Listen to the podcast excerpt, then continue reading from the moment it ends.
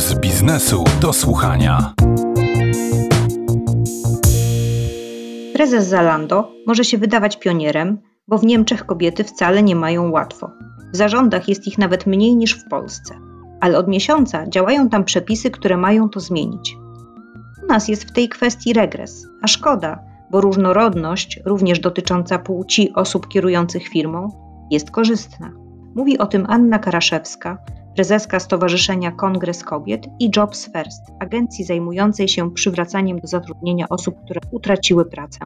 Zapytałam ją najpierw, jak jest w Polsce z paniami w zarządach i radach nadzorczych.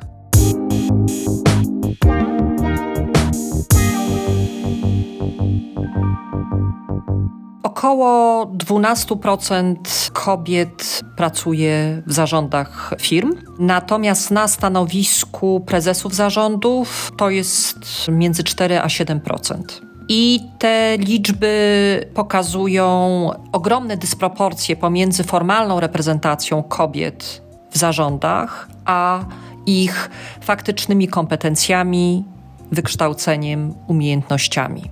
Znaczy, wszystkie dane pokazują, że kobiety w Polsce są bardzo dobrze wykształcone, statystycznie nawet lepiej niż mężczyźni. Ich poziom kompetencji ciągle wzrasta. Stanowią ponad połowę polskiego społeczeństwa, natomiast widzimy zdecydowane niedoreprezentowanie kobiet w tych wszystkich ciałach decyzyjnych. I to dotyczy zarówno zarządów, jak również rad nadzorczych. I ta sytuacja nie zmienia się. Tak jak e, luka płacowa, która w Polsce wynosi około 20% średnio między wynagrodzeniem kobiet i mężczyzn na tych samych stanowiskach, i ta luka płacowa od prawie 30 lat tak naprawdę nie zmniejsza się. To samo dotyczy udziału kobiet e, na stanowiskach decyzyjnych w zarządach i radach nadzorczych. A jak Polska wypada pod tym względem w porównaniu z innymi krajami świata? Ten udział procentowy kobiet w zarządach jest porównywalnie niski. Dlatego, że to jest problem tak naprawdę systemowy i nie dotyczy tylko Polski. Brak wystarczającej reprezentacji kobiet w ciałach decyzyjnych. Natomiast Zdecydowana różnica między Polską a innymi krajami polega na tym, że coraz więcej krajów wprowadza nie tylko miękkie rekomendacje dotyczące zwiększenia udziału kobiet w zarządach, ale rozwiązania prawne, rozwiązania o charakterze systemowym. I tych krajów jest coraz więcej w Europie, między innymi to jest Austria, Belgia, Francja, Wielka Brytania. W listopadzie Niemcy wprowadzili obowiązek udziału co najmniej jednej kobiety w zarządach firm, które liczą więcej niż czterech członków. Natomiast my zostajemy w tyle. Znaczy, w tej materii nic się nie zmienia. Nie tylko brakuje rozwiązań prawnych, ale nawet w kwestii miękkich rekomendacji ja widzę regres. I tutaj powołam się na ostatni przykład, myślę, że ciekawy.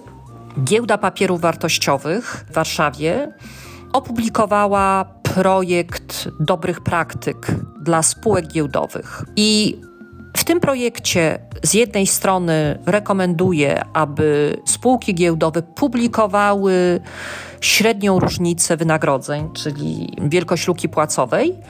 Natomiast y, jeżeli chodzi o udział kobiet w zarządach i radach nadzorczych, giełda ogranicza się tutaj do bardzo lakonicznej i ogólnej rekomendacji, aby spółki, zapewniając wszechstronność działania, dążyły do różnorodności w tych organach różnorodności. W związku z tym ta różnorodność nie jest w ogóle doprecyzowana. Może być religijna? No, jeżeli jest tak sformułowana, to może oznaczać e, różnicę wzrostu między mężczyznami, może oznaczać różne kompetencje. Nie ma słowa o płci. I odwołam się do wcześniejszych praktyk, dobrych praktyk publikowanych przez e, Komitet do Spraw Ładu Korporacyjnego, który działa przy giełdzie papierów wartościowych. Mianowicie wcześniej w historii prac tego komitetu e, było wprowadzenie również rekomendacji dotyczących raportowania liczby kobiet i mężczyzn zasiadających w tych organach. Czyli rekomendacje dotyczyły tego, żeby spółki po prostu przyglądały się temu, jak wygląda udział obu płci i reprezentacja kobiet i to raportowały. Było to oczywiście miękkie zalecenie, niemniej w 2015 roku ono zniknęło z dobrych praktyk spółek giełdowych.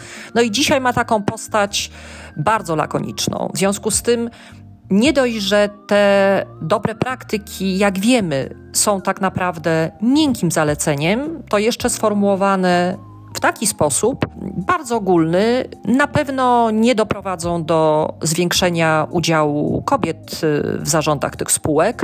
I tutaj powołam się na, zresztą Stowarzyszenie Kongres Kobiet wysłało do giełdy stanowisko w tej sprawie, prosząc po pierwsze o to, żeby jednak e, zgodnie z dyrektywami Unii Europejskiej, było ich kilka w tej, w tej kwestii, i które wyraźnie wskazują na to, żeby minimum 40% kobiet zasiadało w tych organach decyzyjnych. My również domagamy się tego, żeby w tych rekomendacjach giełda jednak trzymała się tych standardów proponowanych przez Komisję Europejską, ale też odwołujemy się do tego, co się dzieje po prostu na świecie. I tak jak powiedziałam, coraz więcej krajów wprowadza twarde regulacje dotyczące największych spółek, zwłaszcza tych notowanych na giełdzie. W związku z tym te propozycje giełdy papierów wartościowych, one są anachroniczne i kompletnie nie przystają do współczesnych standardów też tego świata gospodarczego i społecznego. Jak wrócę do przykładu Niemiec, które, tak jak powiedziałam, w listopadzie wprowadziły obowiązek prawny udziału kobiet y, w zarządach spółek. Wcześniej Niemcy też korzystali z tak zwanych miękkich rekomendacji. Niestety te miękkie rekomendacje nie zmieniły praktyki w przedsiębiorstwach i udział kobiet w zarządach był nawet mniejszy niż w Polsce, bo wynosił, o ile pamiętam, około 7%.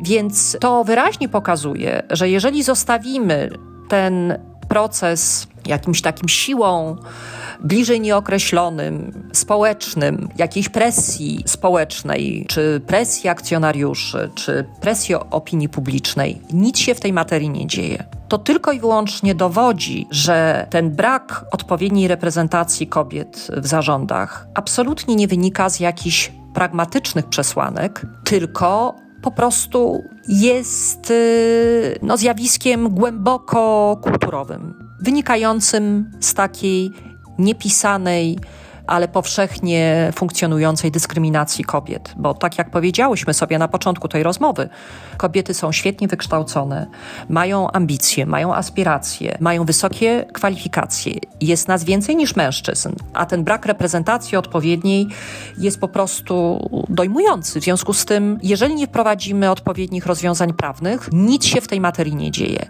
nie zmieni. A wrócę do tych argumentów pragmatycznych.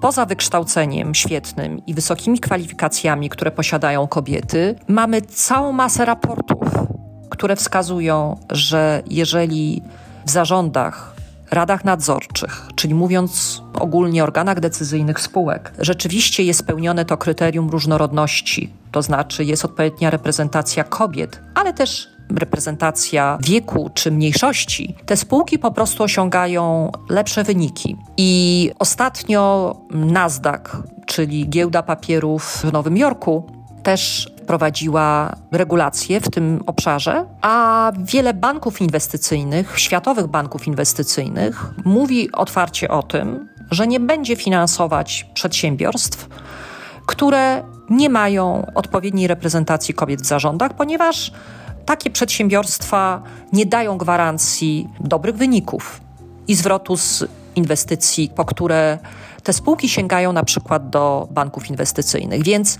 powołujemy się tutaj już na naprawdę coraz bardziej powszechną praktykę. Jasne, i tego powinnyśmy sobie życzyć, takich właśnie rozwiązań, przepisów.